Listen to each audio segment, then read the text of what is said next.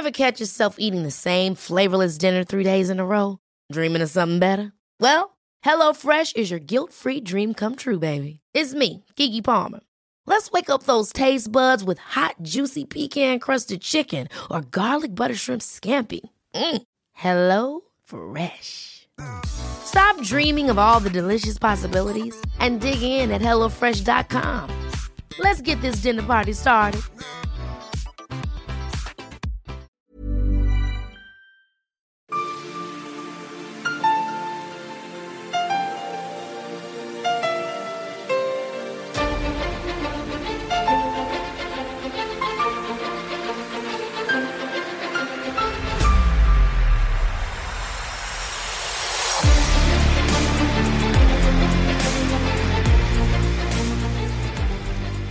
Lyssnar på Militärsnack, podcasten där militära saker blir lätta att fatta.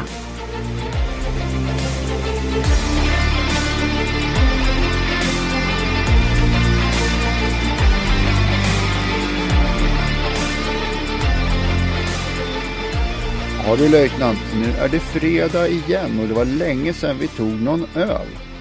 Ja, precis. Nu är ju vi inne på tredje veckan med Valpodden här och eh, det är vårt sista avsnitt här nu som avrundar den här serien av avsnitt eh, och eh, det är ju SD, Sverigedemokraterna, vi har som sista parti. Mm.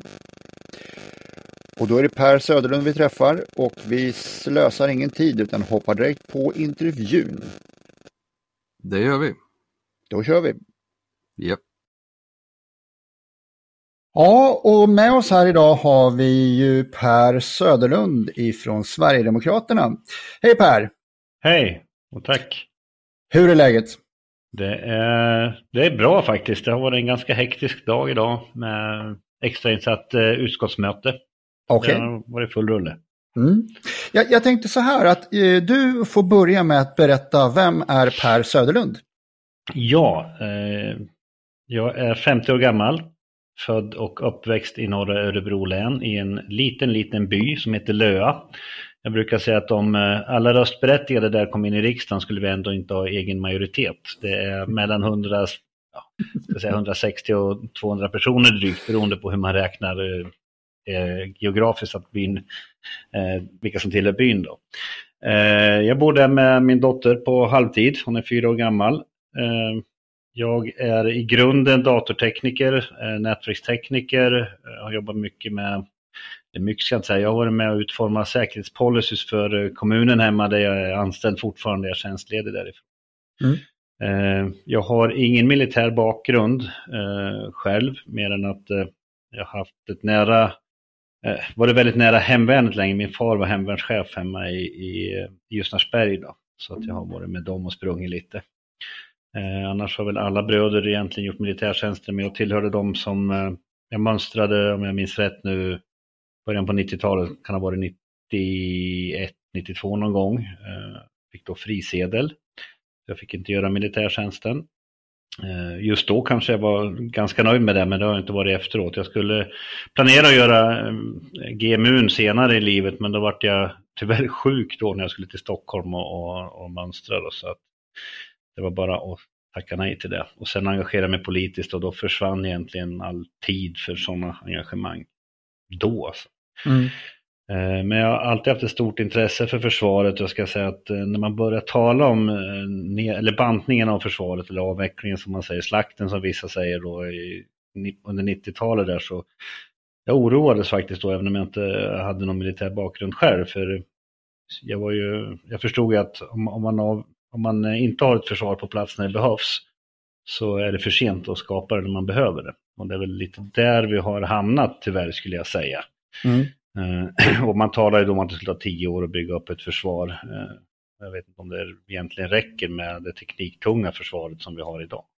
Mm. Eh, jag började min politiska bana då som kommun och regionpolitiker under förra mandatperioden och kom in i riksdagen eh, eh, efter ett avhopp i februari 2019, ett avhopp i vårt parti. Och hamnade då som arbetande ersättare i konstitutionsutskottet, vilket var väldigt, väldigt intressant. Man fick en väldigt snabb och ändå grundlig introduktion till hur statlig förvaltning fungerar, eller offentlig förvaltning fungerar i- Sverige. som var väldigt värdefull. Väldigt intressant också att jobba med de här granskningarna och, och de bitarna. Mm. Så det är väl jag. Ja. Berätta lite kort om ditt parti. Sverigedemokraterna, ja vi kom in i riksdagen 2010. Eh, inte så många då, eh, men vi har eh, ända sedan dess drivit en politik för att stärka svenska försvaret, bland annat då. Och eh, det är väl ett, eh, min företrädare Roger Richthoff drev den linjen och vi fortsätter göra det fortfarande då. Eh, vill eh, se ett försvar som är betydligt större än det vi ser idag och det har vi sagt hela tiden. Vilket vi har fått utstått en hel del, ja, jag ska inte säga spott och spe, men kritik för tidigare så sent som 2012-13 när vi påpekade att faktiskt eh, öster om oss nu så bygger man upp sin eh, militära förmåga i Ryssland. Mm. Så skrattar man egentligen åt, åt oss på den tiden, eh, vilket var beklagligt. Jag tror att många skulle ha känt sig betydligt tryggare om de hade lyssnat på oss redan då. då. I övrigt så är det ju invandringsfrågorna som är vår stora fråga och har varit ända sedan partiet bildades. Mm, mm, mm. Eh, ja, eh, vad är er plan för försvaret i stort? Du var lite inne på det här, men vi, vi broderar vidare på frågan. Mm, ja, men vi har ju sagt hela tiden och fortsätter säga också att vi vill ha ett, eh, att rusta för försvar, totalförsvaret till en sån nivå att man klarar av att försvara hela, hela Sverige mot ett väpnat angrepp och ge stöd till civila samhället under svåra påfrestningar. Eh, och att man inte ska, som vi har sett nu, utnyttja Försvarsmakten som en budgetregulator och därför så har vi också sagt att eh, vi vill grundlagsstadga att 2 av, eh, motsvarande 2% av BNP i statsbudgeten ska gå till Försvarsmakten, minst. Eh, och vi har också varit med och stöttat det här att vi ska uppnå 2 målet redan 2025. Eh, mm. som var ett utskottsinitiativ som tyvärr föll i kammaren, så nu är det 2028 som är målet. Men för oss är det ju viktigt att, att försvaret klarar av att, att säkerställa nationens fortlevnad och eh, medborgarnas säkerhet i hela Sverige, inte bara i delar. Då. Och det är därför vi har drivit en politik att, att eh, ja, utveckla försvaret och ha en större försvarsmakt. Nu talar vi ju naturligtvis inte om att gå, återgå till kalla krigets försvarsmakt, för den, den, kan, den kanske inte är den lämpligaste idag med det högteknologiska försvaret vi har. Och jag kan säga vi har ju tilldelat mer pengar till försvaret varje år i vår budget. Jag tror faktiskt vi har tilldelat mer pengar eh, sedan 2010, eller föreslagit mer pengar till försvaret sedan 2010 än samtliga andra partier tillsammans. Mm. Så det är ju, vi har ju verkligen varit ett försvarsvänligt parti hela tiden sedan vi grundade, eller sedan vi kom in i riksdagen. Hur tänker ni på det här med eh, värnplikt kontra stående förband, alltså kontrakterade och eh, har du några tankar kring mängder i procent? Eh, ska vi ha eh, stående kontrakterade, alltså yrkessoldater eller inte? I så fall hur stor del? Eh, hur många värnpliktiga tänker vi att vi, vi utbildar per år och har, någon, har ni några tankar kring det? Några siffror? Mm. Vårt mål för värnplikt är 25 000 per år. Naturligtvis går inte det att uppnå eh, inom den närmsta framtiden, för det kommer ju ta tid att, att nå dit så att Försvarsmakten har möjlighet att utbilda så många också. Sen ser vi också ett behov av, eh, av eh, anställd personal inom Försvarsmakten just för att de är lättgripliga på en gång. De finns på plats om det brinner till istället för att man ska behöva mobilisera då. På, alltså man har dem snabbt tillgängliga, de, den personalen. Så det, fin det finns en balans där. Jag, jag ska inte säga exakt eh, vilka behov som finns, av, utan det är ju en, en, en, eh, bedömning som Försvarsmakten får göra som, som vi sen naturligtvis lyssnar på vad de säger. Men ni är positiva, eller inställningen är att vi ska ha kontrakterade stående förband och vi ska ha värnpliktiga och eh, även hemvärn. Ja, absolut. Och vi ska öka och då pratar vi 25 000 per årskull värnplikt. Ja, det är vad vi har sagt. Ja. 25, 25 000.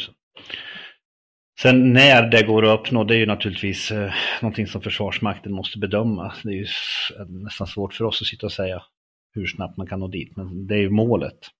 Har, eh, har SD några tankar om, eh, när vi pratar totalförsvar, om eh, civilplikt? Alltså att man kan göra sin, istället för värnplikt, en civilplikt. Man mönstras och tas ut och jobbar till exempel inom eh, energisektorn eller sådana saker.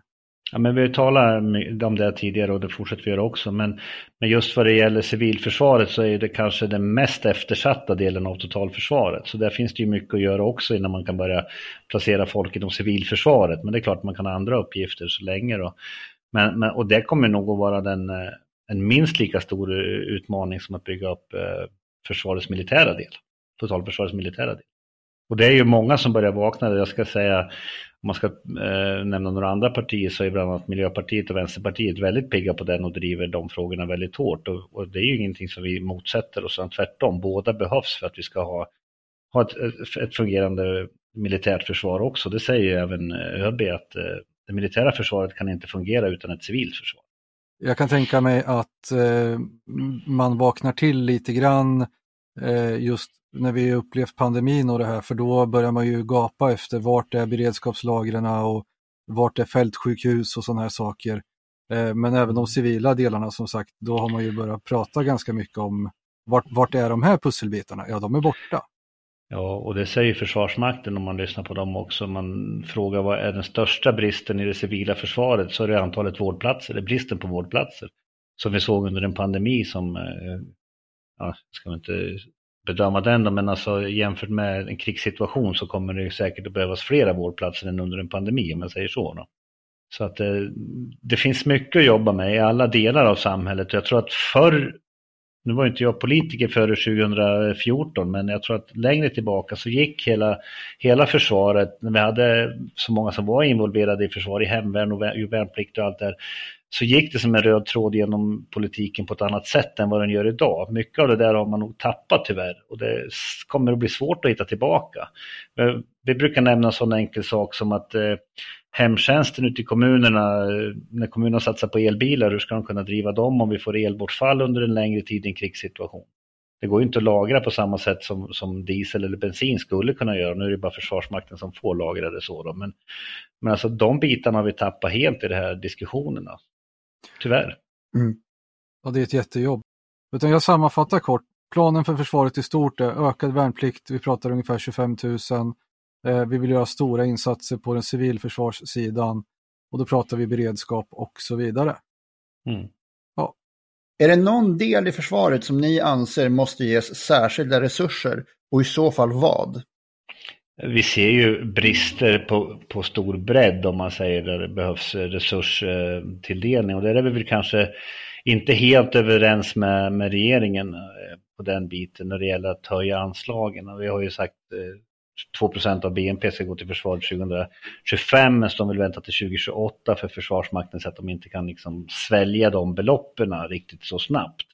Men samtidigt så när vi är ute och besöker verksamheter så ser vi ju brister och nu, nu senast är det ju tal om, om, om flygförarna och bristerna där att de, eh, de eh, begär tjänstledigt och kanske försvinner från, eh, från flygvapnet och, och så vidare. Och det finns ju liksom pengar att skjuta till, massor med hål att täppa till är ju den analysen vi har gjort. Men sen är det ju det alltså att det handlar både om resurser här och nu och som att planera för ett långsiktigt försämrat omvärldsläge. Just nu är vi i en ganska så ny situation för många skulle jag säga som inte växte upp under kalla kriget. Mm. Eh, som var med den här rysskräcken som man talade om. Eh, men alltså det handlar om att kunna försvaret ska kunna fortleva på lång sikt och inte bara, bara, inte bara lösa de problemen som är här utan även ta höjd för framtiden. Och då är det ju framförallt, ja det vi kan göra från politiken är ju framförallt skulle jag säga höjda anslag. Och vi har ju inte sagt att vi ska införa någon beredskapsskatt för att täcka kostnaderna för att höja försvaret, utan det kommer vi hitta på andra ställen. Mm. Nej, det, det, är ju som så att, att eh, ni som politiker som sagt, ni kan ju höja anslagen och kanske inte direkt säga, eh, ha, ha jätteklart ni kan ha åsikter om vad som behöver göras, men det du nämner är ju intressant med, med piloterna och personalen. För det är ju en ganska, alltså det är en ganska tacksam och enkel Eh, sätt att höja försvarsförmågan enligt mig och det är ju att höja löner. Eh, kanske inte rakt av, men att se till att personal stannar kvar. Det, för det, det är ju det det handlar om just med piloterna som jag har förstått. Ja, det är ju en del, alltså det, är för, det är ju flera saker där, det är ju eh, nya avtal och sådär grejer. Och, och, men, men visst, det, höja statusen på yrket, absolut. Sen är det ju en sak till som behöver göras på väldigt kort sikt och det är ju att se över miljötillstånden. Eh, som är ett stort problem idag, att vi bygger ut Försvarsmakten, vi utökar den, men sen har de kanske ingenstans att träna, De eh, måste åka väldigt långt för att öva på, på en skjutbana till exempel. Och det är ju inte hållbart. så kan vi ju inte ha det i en sån säkerhetssituation som vi befinner oss i, en säkerhetspolitisk situation som vi befinner oss i, när, när eh, Ryssland är så aggressiva nu som de är. Då. Mm, förtydliga det för lyssnarna lite grann. Det handlar ju, det vi pratar om här nu är ju att eh, Eh, man har tillstånd på olika skjutfält med att man kanske får skjuta x antal skott då med hänsyn till, till miljö och framförallt buller. Och då kommer det in många överklaganden av sommarstugegäster och sådana saker. Va? Och eh, det är ju absolut någonting som eh, riksdag och regering kan hjälpa oss med och se till att vi får de här tillstånden här och nu. Ja, det, jag skulle säga att det är kanske ett av det som vi oftast får, får till oss från Försvarsmakten, att det behöver göras någonting åt. Och eh, jag håller ju med om det, att eh, alltså, nu har vi ju sån tur så vissa, eh, vissa regementen som startas om, det finns det gamla miljötillstånd kvar. Men det är så illa så att man vågar liksom inte söka om att utöka dem för då kanske det blir tvärtom i slutändan. Alltså här måste man ju sätta intressen mot varandra. Ska vi kunna försvara vårt land? Ska vi kunna utöka vår militär eller ska, vi, ska det vara, eh, ses som ett hinder att det bullrar för mycket? Jag tycker man ska vara rätt så glad att det bullrar när Försvarsmakten övar faktiskt. Det är tydligt på att de, de gör det de ska göra, ärligt talat. Mm. Ett, ett, eh, ett eh, generalsexempel på det är väl Tofta skjutfält och Gotland just där man mm. Drog ner verksamheten kraftigt och nu vill man utöka den kraftigt. Och under tiden så har ju folk kanske vant sig att det inte låter så mycket och byggt sommarstugor och sådana saker. Mm. Ja, det är ett typexempel, men det finns ju flera exempel på det. Det finns många fler. Och det kommer att bli flera. Absolut. Så det, det måste lösas ganska omgående, säger jag. Och det för mig som, eh, som militär så är det ju eh, de här tillstånden man tänker det kan inte vara så svårt utan det handlar väl om olika papper och sånt. Men det ska väl genom en rad olika instanser tänker jag. Och det ska beredas och det ska samrådas och det ska överklagas och det ska skrivas om. Ja, det är tio år innan det är färdigt. Men då är det en särskild resurs som ska till. För ja, att resurs, det är en lagändring som, eh, som ser till att, ehm, att man stärker eh, Försvarsmaktens eh, intresse egentligen i lagstiftningen skulle jag säga. Så att det väger väldigt tungt i, i hanteringen av de här ärendena, delvis. Och sen, ja, där någonstans. Ser ni det som att Sveriges närhet till Ryssland är särskilt problematisk och kräver särskilda lösningar i nutid? Ja, men det är klart att det är problematiskt. Det har det alltid varit, eh, även historiskt sett under kalla krigets dagar. Eh, det är ju som jag brukar säga, när vi har sagt att vi ska öka försvarsanslagen så är det ju inte för att vi är rädda för att Norge ska komma och bråka med oss direkt, utan det är ju för att vi är rädda för att någonting österifrån ska hända då, från Ryssland. Och här är ju Gotland såklart, eh, nu har man ju återupp, eh, eller ja, nu är man ju där på plats igen i en större utsträckning än tidigare, men det, det är ju en väldigt strategiskt viktig plats i Östersjön. Så det, det, är klart att den är väl, Gotland är väldigt viktig och verksamheten där. Det har den ju alltid varit egentligen. Mm. Men, men det, det, är ju det som man i scenario, ofta scenarion ser att man pekar ut att det är ju där eh, eh, ja, det finns risk för, störst risk för angrepp och det är klart att det måste vi vara starka. Ja. ja. Vi kan ju, man, man kan ju säga också att, men det kommer vi in lite på med, med NATO sen, men jag tror att vi kommer att få en förskjutning i vilka uppgifter vi kommer att ha i NATO-samarbete mot uh, vad vi har idag, men det, det vi kommer till det sen. Mm, mm, mm. Det är om du vill nämna någonting mer där Per? Om, ja, om, jo men jag kan... Särskild, jag, alltså, jag tänkte ja, på sär, särskild del. Om du vill till exempel typ säga, ja armén ska ha anslag eller vi behöver ha eh, Eh, vi behöver ha kryssningsrobotar till exempel. Om du, vill, om du, vill ha, om du har någon specifik hands-on-del förutom, eh, eh förutom att öka anslagen. Eh, ja, men alltså, eh, försvar mot kryssningsrobotar, ja, det behöver vi säkerligen ha. Men, men eh, jag tänkte på eh, det som talas väldigt lite om, det kanske inte använder direkt under militären, men det är också ett cyberförsvar. Alltså nu har vi börjat med den biten, men eh, det finns väl en bit kvar att gå. Eh, det är ju, tror jag kommer att vara väldigt viktigt. Vi har idag haft utfrågningar med eh, Sveriges Radio om det här VMA-systemet. Jag tror man i myndigheter kanske inte förstår hur viktig cybersäkerhet kommer att vara. Tänker att man kan slå ut betalsystem, VMA skulle kunna vara ett mål, elförsörjning och så vidare som skulle kunna skapa väldigt stora problem både för Försvarsmakten och för civilbefolkningen. Så där tror jag också vi, vi behöver bli ännu bättre på. Nu jobbar vi åt det hållet och det är bra, men eh, det kan finnas mer där. Sen är det ju det att vi behöver ju öka numerären inom flera områden marinen. Vi har, vi har även, det finns samarbetsproblem också om man tittar på eh, Försvarsmakten och Kustbevakningen som ska hjälpa Försvarsmakten. Att de inte kan köra på samma bränsle till exempel, sina, sina fartyg. Eh, det finns mycket sådana här små grejer att tweaka i skulle jag säga. Också. Mm. Vad anser ni skulle trygga Sveriges position i Europa allra mest just nu? Ja, men det som alltid är avgörande är vår egen förmåga. Att vi har tillräcklig militär förmåga för att försvara vårt land. För det kommer alltid att vara vårt ansvar i första hand. Eh, eh, man kan, vi ska ha internationella samarbeten, absolut, och de ska vi vara med och stötta. Men eh, en första smäll, om man säger då, kommer vi ofta emot själva och då måste vi kunna möta den. Och det är ju det vi håller på med nu. Det finns ju en, en eh, samförstånd inom politiken att vi behöver öka försvarsförmågan. Och det, det tror jag är en styrka att vi har åtminstone ett samförstånd om att, att vi behöver göra det. Sen hur mycket och i vilken omfattning, det är ju någonting som vi måste landa i politiken också. Sen har vi ju samarbete, eller det här att vi går med i, nu ska jag ha ansökt om NATO-medlemskap, det kommer ju också vara väldigt viktigt.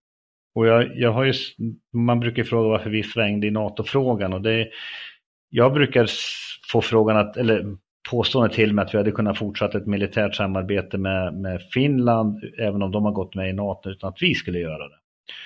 Eh, och det håller ju inte jag för troligt att vi skulle kunna någon form av egen försvarsallians. För om Finland känner att de behöver in under artikel 5 för att klara sitt försvar och vi inte är under artikel 5 och blir angripna så inte skulle Finland gå ur artikel 5-skyddet för att hjälpa oss. Nej. Så, så det, det, det, var det som fick oss att svänga i NATO-frågan, alltså att Finland var avgörande, för det har ju varit våra närmsta samarbetspartner och det, det hade kunnat gått att bygga väldigt långt på det, men gjorde Finland en annan bedömning. Eh, och det, I nuvarande läge så jag förstår deras val faktiskt, men det, skulle lämna oss väldigt själva att inte gå med i NATO. Så jag tror att det, det kanske är det absolut viktigaste vi gör nu, mm. mm. NATO-medlemskap. Mm. Och den svängningen har ju i stort sett alla, inte alla, en del var ju för innan men de, de flesta har ju gjort den här svängningen och eh, det får de ju motivera själva. Men jag tycker det var bra att du tog upp det. Ja, jag ska säga också att eh, jag tror att det är bra att det är så pass många som eh, är eniga i det beslutet. För vi har alltid sagt att det ska inte fattas ett sådant beslut med en rösts majoritet i riksdagen till exempel. Det har ju, det har ju kunnat, alltså, och, och, som det har sett ut tidigare innan eh, innan eh, säkerhetsläget förvärrades runt oss då, så har det ju varit helt förkastligt att göra med en majoritetsövervikt, en röstövervikt i, i, i riksdagen. För då näst, kommer nästa riksdag så finns inte den majoriteten längre. Men nu finns det ju faktiskt ett, ett starkt, starkt eh, samförstånd bakom det medlemskapet och det tror jag gör tyngd åt det också. Have catch yourself eating the same flavorless dinner three days in a row? Dreaming of something better? Well, hello fresh is your guilt-free dream come true, baby. It's me, Gigi Palmer. Let's wake up those taste buds with hot, juicy pecan-crusted chicken or garlic butter shrimp scampi. Mm. Hello Fresh. Stop dreaming of all the delicious possibilities and dig in at HelloFresh.com. Let's get this dinner party started. Hey, it's Ryan Reynolds, and I'm here with Keith, co star of my upcoming film, If, only in theaters, May 17th. Do you want to tell people the big news? All right, I'll do it. Sign up now and you'll get unlimited for $15 a month in six months of Paramount Plus Essential Plan on us. Mintmobile.com slash switch. Upfront payment of $45 equivalent to $15 per month. Unlimited over 40 gigabytes per month. Face lower speeds. Videos at 480p. Active Mint customers by 531.24 get six months of Paramount Plus Essential Plan. Auto renews after six months. Offer ends May 31st, 2024. Separate Paramount Plus registration required. Terms and conditions apply if rated PG. Mm. För något är ju inte någonting som man bara går i och ur heller. Det kan man ju inte göra hela tiden, även om vissa har lämnat och kommit tillbaka. Men man ska ju inte göra det varje mandatperiod om man säger så. Och det Nej. är inte trovärdigt för fem öre. Du nämnde Finland här, eh, men vad har ni för syn på Sveriges roll i NATO? Men jag tror att vi, jag tror om man lyssnar på det som sägs nu då, eh, att vi kommer att få ett ganska så starkt ansvar för eh, norddelen, om man säger det, High North som man brukar säga, även eh, polarregionen. Vi har ju, våra soldater är ju ofta tränade för det klimatet. Eh, jag skulle säga direkt att det är nog lättare att kasta in vilken svensk soldat som helst eh, norr om polcirkeln än vad det är att ta en, en spanjor till exempel. De skulle kanske inte trivas lika bra där uppe. Mm. Medan våra soldater trivs som fisken i vattnet. Mm. Sen har vi också den strategiska biten där att Finlands gräns kommer och, mot Ryssland är ju väldigt strategiskt viktig mot Kolahalvön där uppe. Så att försvara den eh, kommer nog också ligga delvis på oss. Sen är det väl frågan, och Östersjön kommer vi väl säkert att, att få ta över en, eller ha kvar en del av ansvaret för, men i vilken omfattning det vet man inte. Men jag tror att våran roll i NATO rent eh, militärt kommer att vara just, jag, jag, brukar säga norra flanken, jag vet inte om det är något uttryck man använder, men, men just norra delen. Och det är där eh, vi ser en styrka, vi, har, vi är redan väldigt samövade med Finland och Norge eh, även Danmark till viss del då. Och jag tror att det kommer att vara vår huvudsakliga uppgift där. Mm. Sen våran roll, vi kommer ju att hamna i helt nya situationer vad det gäller att vara med och påverka NATOs planeringar och så vidare. Och det är klart att det förändrar hela NATOs planering i grunden också att vi går med. Mm. Så där får väl nästan framtiden eh, utvisa vad vi kommer att hamna i. Men vi får ju också tillgång till, till, säkert till andra förmågor än vad vi har idag. Vi kommer ha en helt annan eh, logistik i ryggen om man säger så, säkerhetsgarantier och även möjlighet att få in eh, materiel och sånt i en eventuell konflikt. Och även militärt stöd. Då. Sen har ju inte vi sagt att eh, i nuläget att vi ska göra några sådana deklarationer som Norge och Danmark gör med kärnvapen och, och utländsk trupp i, i, stationerad i Sverige, utan det får vi se vad, vad, vad, framtiden utvisar och vart vi ska hamna i den frågan. Det har vi inte landat i. Mm. Men kärnvapen är ju en röd flagg för många partier. Och det, och det finns ju undantag i, i, i vad det gäller utländsk trupp med NATO, i flera NATO-länder. Så det, det, går ju om man vill gå den vägen. Men vi har inte helt landat i den och det, det beror, ja, jag ska inte säga vad det beror på, men, men eh, vi får väl se vart, eh, vart vi landar i de frågorna. Mm. Men ni utesluter ingenting utan det får ta den tid det tar och sen så får vi, om vi kommer med så blir det, det får växa fram så att säga. Ja, jag skulle tro för det, det kommer att vara mycket som är nytt eh, för många aktörer, eh, statliga aktörer också, eh, när vi går med i NATO. Det är ju inte bara själva militära försvaret, utan vi har FMV och så vidare, och andra som går FRA som kommer att få andra utmaningar. Så det, det, kommer, det kommer att kräva mycket jobb det här medlemskapet, helt klart. Mycket omställningar. Mm. Men om nu NATO-medlemskapet går i stöpet, vad bör Sverige göra då för att stärka sin position i regionen? Ja, för det första om det skulle gå i stöpet så är det nog inte bara för Sverige utan då är det nog, skulle man ju kunna misstänka att det gäller även Finland eftersom våra ansökningar hänger ganska tätt ihop. Eh, det skulle kunna vara så att bara Sveriges eh, ansökan inte går igenom, vilket vore väldigt, väldigt olyckligt. För då har man liksom eh, närmat sig NATO e- enormt mycket och sen samtidigt så hamnar man utanför. Det vore ju rent katastrofalt. Men vi ska i alla fall fortsätta ha nära samarbete med NATO som vi har idag och de medlemsstater och nära allierade som finns där. Eh, och sen är det ju Finland som blir våra närmsta samarbetspartner om de också åker, eller skulle nekas inträde. Men det, då är det ju ännu viktigare att vi stärker Försvarsmakten eftersom vi blir, ja, blir mera, står mera själva då. då. Det, ja, jag, jag, hoppas att det inte går den vägen, jag, jag ser nog att det här kommer att gå vägen. Mm, mm. Eh, är det rätt eller fel att skänka och sälja vapen till länder i krig? Vad tycker du? Ja, det är en rätt så generell fråga, men om vi ser det som händer i Ukraina nu så är det ju helt rätt att göra det. Och det var väl bara eh, var det Centerpartiet, äh, Vänsterpartiet som tvekade som sen har svängt i den frågan. Och det är inte första gången vi gör det heller. Vi, till exempel 2003 när vi gav vapen till Storbritannien där, eller levererade vapen till dem. Så i, i, under nu rådande omständigheter så är det ju helt klart rätt. Men det är ju sånt här som som är egentligen eh, avvikelse från normen och sånt som man får fatta beslut om från fall till fall. Det, det kan ju hända att det är en helt annan typ av konflikt och då kanske det inte alls är lämpligt. Nej. Mm. Men nu är det ju faktiskt så att Ukraina är angripna av, en, av Ryssland i ett, ja, brukar säga folkrättsvidrigt eh, angrepp och då är det klart att de ska ha den hjälp de kan, eller mm. de, eh, som vi kan ge dem. Mm. Absolut. Och vi har aldrig, vi har aldrig tvekat på den punkten.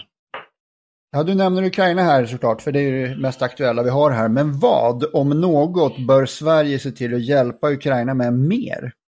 Ja, vi har ju sagt att vi vill skicka mer offensiva vapen. Vi har ju än så länge framförallt skickat defensiva vapen. Men eh, nu är det ju så att Ukraina faktiskt inte bara behöver försvaras utan kanske behöver ta tillbaka territorium och då är det ju viktigt att de får de förmågorna också. Och det är ju också viktigt att vi kollar med Ukraina, att vi lyssnar på dem, vad de har för eh, önskemål, även om annan hjälp som ekonomisk och humanitär hjälp. Det har vi också eh, bidragit med från Sveriges sida. Och, eh, men som sagt, exakt vilka, vilka vapen är svårt att säga. Eh, det beror på vilka behov de ser och vilka som är möjliga att skicka, eh, vad vi kan undvara. Eh, är det kvalificerade vapensystem så kanske det inte bara är att skicka dem dit, utan man måste ha utbildning på dem och så vidare. Då kanske det inte är lämpligt att skicka dem direkt, utan måste man se till att de kan klara av att använda dem också. Men vi är öppna helt klart för att hjälpa dem mer.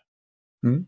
Ja, Ja, det är ju så med, som du säger med kvalificerade system också att det är ju inte bara, eh, det har vi pratat om förr i, i podden, att många tänker ju att eh, ja men eh, vi kan väl skicka några JAS och det är ju inte riktigt, eh, ja. det är ju inte riktigt som att eh, eh, skicka en, en Saab till någon som tidigare kör Volvo utan det här är ju liksom väldigt skilda saker plus att de här sakerna ofta kanske innehåller kvalificerad teknisk utrustning som man inte vill att motståndaren ska få och så vidare. Ja, bara underhållet eh, kräver ju en hel del folk som kanske, ja, och utbildning på dem också, så det är inte bara att skicka såklart. Ja, och det är jag också glad att du säger just det med underhållet för att eh, man pratar, ja men eh, vi skickar, eh, kan man inte skicka stridsvagnar? Jo visst, men då får du skicka reservdelar, tekniker och eh, reparationspersonal mm. och, och så vidare och så vidare. Hade det varit enkelt så hade ju en värnplikt varit en vecka va? Om det var, mm. som, att, om det var som att köra bil och så är det ju inte. Mm. mm. Mm. Men samtidigt så säger du nu utesluter ingenting men med rätt utbildning. Och det är ju också... Finns ja, om, det... Eller om det, om det inte ja. kräver utbildning så är det ju en sak. Men alltså är det sånt som kräver utbildning så kanske det är helt bortkastat att skicka det. Det är så jag menar. Jag förstår. Eh, ska Sverige fortsätta att utveckla egna vapensystem som exempelvis JAS eller sträva efter att köpa färdigutvecklade sådana? Vi ska försöka ha så mycket av eh, vapensystemen, utvecklingen och tillverkningen av dem som möjligt i Sverige och det har vi sagt hela tiden också. Eh, tidigare var det väldigt, väldigt viktigt just att vi ska kunna säkerställa leveranser till vårt försvar, eh, även under svåra tider. Då. Eh, och det kommer det fortsatt att vara såklart. Eh, det som oroar mig lite, eh, som jag tyvärr har varit med och fattat beslut om på regional nivå, det är sådana här så kallade hållbara investeringsplaner som vi antog i, i min eh, region. Eh, det låter jättebra, det minimerar klimatavtryck och så vidare och det ska inte driva på för krig. Men det man gör är ju att eh, ta bort alla, i stort sett alla investeringar i försvarsindustrin. Eh, samtidigt som den behöver möjlighet att växa, för nu om någonsin behöver de ju växa. Och så har man då från offentligt håll sagt från riksdagen även mitt parti och andra partier att nu ska Försvarsmakten växa. Samtidigt så, så motarbetar man då försvarsindustrin på kanske felaktiga grunder. Jag ska säga att jag ångrar att jag var med och fattade beslutet. Det lät väldigt bra när det kom upp. Eh, jag såg inte det sambandet till försvarsindustrin, men det har påtalats för mig senare. Eh, jag tycker vi ska vara stolta över våran försvarsindustri och att de har klarat den här neddragningen på Försvarsmakten så förhållandevis väl ska jag säga är också väldigt imponerande. De produkter de, eh, och system som de producerar är världsledande och det är ju fantastiskt för ett sånt litet land som Sverige. Vi ska vara väldigt, väldigt stolta över det och fortsätta stimulera, eh, eh, stimulera dem att eh, ja, fortsätta sin verksamhet och producera de, de system och den utveckling ska vi säga som de faktiskt driver också. Så vi säger att man i första hand ska, ska rikta eh, nyanskaffning då till, till svenska försvarsindustrin och i andra hand till leverantörer där försvarsindustrin deltar i någon del. Eh, mm. Och sen i tredje hand får man gå in på övriga marknaden. Det, det, finns ju många samarbeten också inom försvarsindustrin där man kanske inte är helt ensam eh, in, från Sveriges sida vara delaktig. Mm. Mm. Men det, det, är en viktig del av vårt försvar, helt klart. Och dessutom är det så att vi, vi behöver rätt så unika system. Vi har ett ganska så unikt läge också i världen kräver system som, som jag tror att det skulle vara svårt att köpa upp likvärdiga som de som eh, svensk försvarsindustri har tagit fram många gånger. Ja, samt eh, att under den eviga fredens tid här nu så eh, när man kanske inte behövde, men nu när vi inser att vi behöver ha system så är det ju kanske, jag säger kanske, men troligt mer både miljövänligt och eh, arbetsrättsmässigt och, och så här eh, bättre att köpa en svensk produkt av någon, än från någon annanstans. Om dessutom ja. systemen håller hög kvalitet. Men eh, med allting med transporter och, och avtal för arbetaren och eh, arbetstillfällen och skatteintäkter så låter det ju som en glasklar grej. Men sen är det ju i, i nuläget omöjligt att inte ha eh, komponenter från andra länder även i svensk, eh, svensk materiel såklart. Jag menar det är ju delar som plockas ihop till viss del från andra, ja, system som kommer från andra länder, elektronik från andra länder också för den delen. Och det är ju en naturlig följd av, av eh, den här globaliseringen som vi faktiskt lever i. På gott och ont ska jag säga, för man, kan ju, man ser ju nu, det talas som att Ryssland letar kylskåp för att hitta elektronik till sina pansarfordon då, men alltså, ja, jag hoppas att vi inte behöver hamna i en sån situation. Men eh, när de globala leveranskedjorna störs så får det naturligtvis påverkan även på försvarsindustrin. Och det måste vi så långt det går göra oss eh, oberoende av, att vi inte är så känsliga för de svängningarna. Mm. Jajamän. Och samma sak som att eh, oavsett vilket system du har till artilleri så måste du kunna förse det här med, med granater till exempel och eh, då är ju en egen produktion bra ur, mm. eh, när lagren börjar ta slut så att säga, tycker jag. Mm. Jo, men det är ju en, en, del av det. För alltså, vi ser ju nu på, på, jag vet inte, nu har ju vi haft lite sommaruppehåll här, men det talas ju mycket om det innan sommaruppehållet här i riksdagen. Att nu när eh, så många länder höjer sin försvarsbudget så kommer det bli svårt att beställa försvarsmateriel. Eh, för vi är en relativt liten eh, kund, så att många andra riskerar att hamna före oss och det blir långa leveranstider. Och det är klart att det är oroväckande. Har vi det då säga, inte inhouse, men i Sverige i alla fall så kanske det är lättare att eh, hänga med i de här, eh, eller ja, få, få köpa försvarsmateriel. Ja, nu, nu är jag kanske ute och eh, cyklar, jag har ingen aning, men det borde ju i alla fall förr ha funnits någon lag som säger att vi har första tjing på något sätt. Nu kanske det inte gör det med tanke på globalismen och EU och allt sånt där, men eh, det, det, det, borde ju finnas. Eh, sen kan ju de vara avskrivna för länge sedan eller så finns de eh, i någon dammig låda någonstans, de, de lagerstöden så att säga. Jo, men man kan ju också hoppas på att det finns någon form av eh, nationell stolthet hos försvarsindustrin. Det tror jag det gör också. I synnerhet om det är mitt under ett brinnande krig, att man eh, faktiskt eh, tänker lite på den biten också. Ja, absolut. Och, och då, då är det sannolikt andra lagar som träder i kraft. Men jag menar även, som sagt, jag är ute och cyklar eller simmar på djupvatten. Ja. Jag vet inte jag alls med. hur det är i fredstid. Men men i krig vet jag att det, det är ett annat paket som, lite andra saker som gäller. Jo. Jag, jag tycker du... inte till och med förfogande lagar kan gälla. Jag, ska, jag är också ute på djupt vatten nu men... Mm. Men visst, visst, det sista var spekulativt, men det är också ja. intressant. Ja. Mm. Är det någon fråga du tycker att jag har glömt att ställa? Nej, det, det är svårt för mig att säga det. Men jag skulle säga att det, det som är viktigt att vi inte tappar nu, det är att vi tänker totalförsvar, inte bara militärt försvar. Även om det här nu är en militärpodd, men eh, jag tror att det är viktigt att vi har eh, bägge tankarna i huvudet och att vi får in de tankarna, försvarstankarna, totalförsvarstankarna i all politik. Och jag brukar när jag är ute och föreläser för våra, eller mina partikollegor att säga tänk på de här sakerna när ni fattar beslut i kommunerna. Påverkar det försvarsförmågan? Mm. Kan vi göra på något annat sätt för att stärka försvarsförmågan? Har vi kollat med Försvarsmakten vad de tycker om en sån här sak? Det, jag tror det är viktigt att vi får tillbaka den, det tänket. Jag tror det finns till viss del kvar. Jag ska inte sätta helt bort det, men um, jag tror det var starkare tänk så förr. Mm.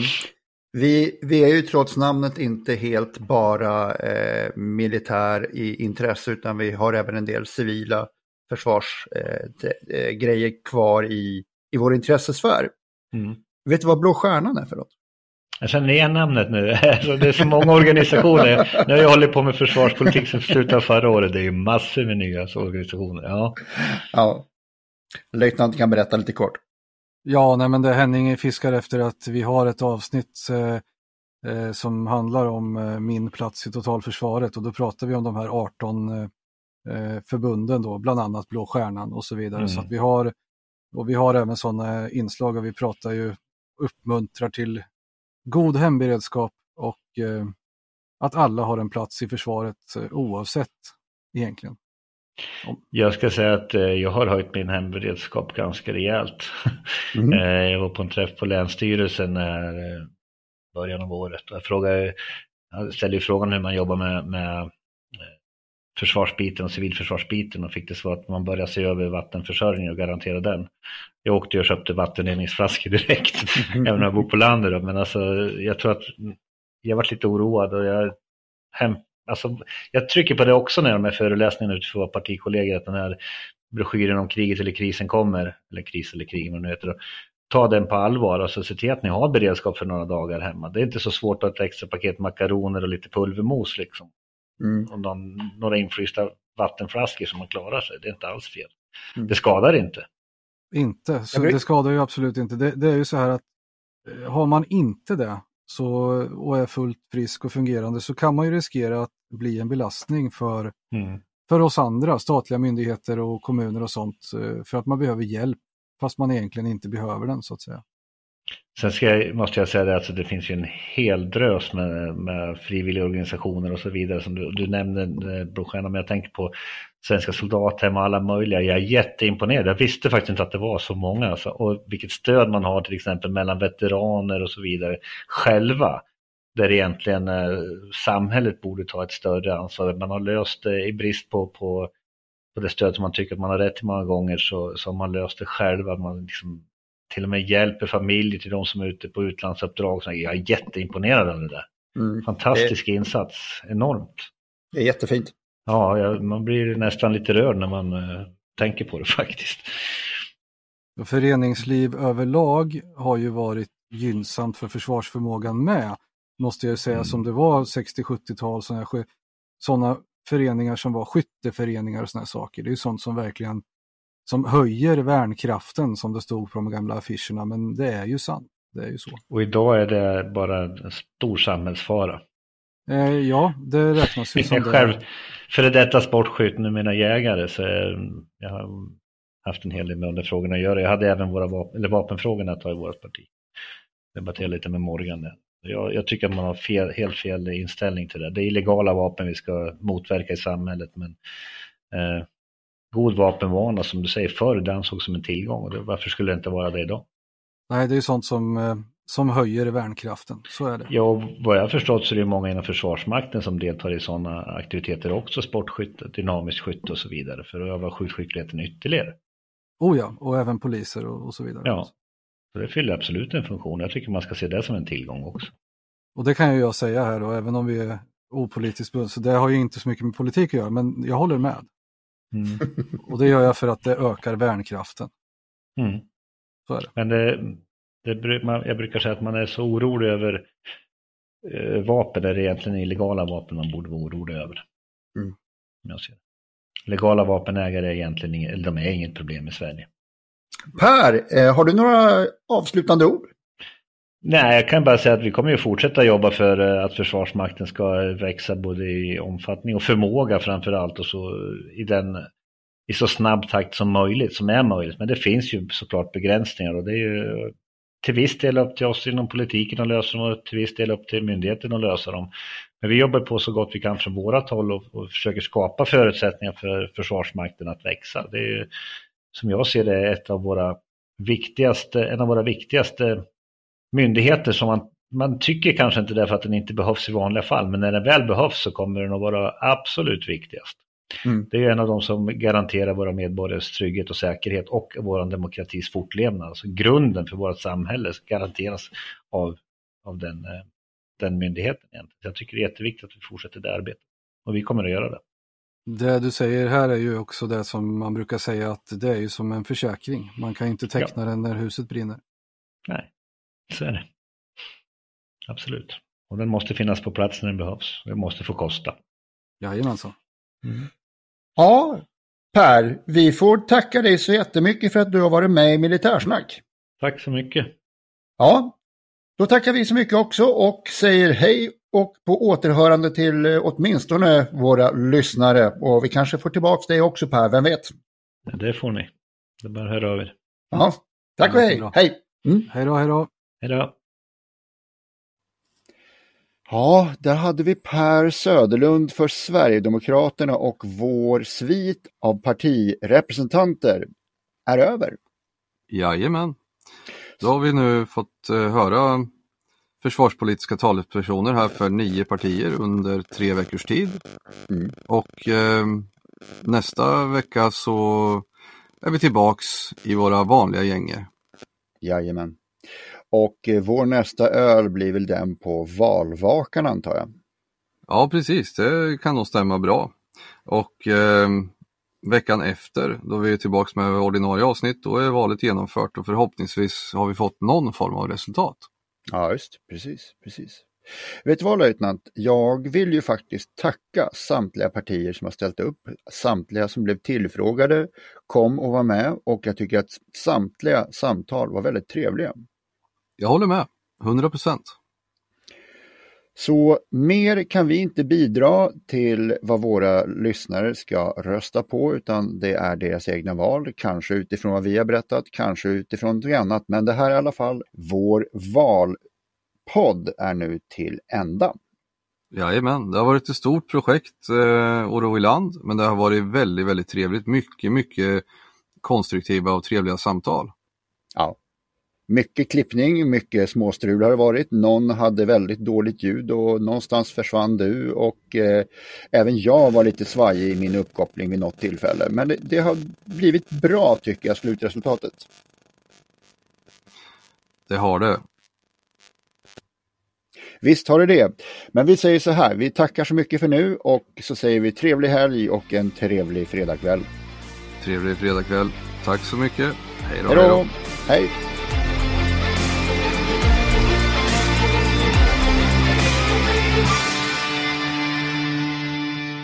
Glöm inte att gilla, dela och gärna prata om vår podd med de vänner du tror skulle gilla den. Tack! Have catch yourself eating the same flavorless dinner three days in a row? Dreaming of something better? Well, hello fresh is your guilt free dream come true baby. It's me, Gigi Palmer. Let's wake up those taste buds with hot juicy pecan crusted chicken or garlic butter shrimp scampi. Mm. Hello Fresh. Stop dreaming of all the delicious possibilities and dig in at HelloFresh.com. Let's get this dinner party started.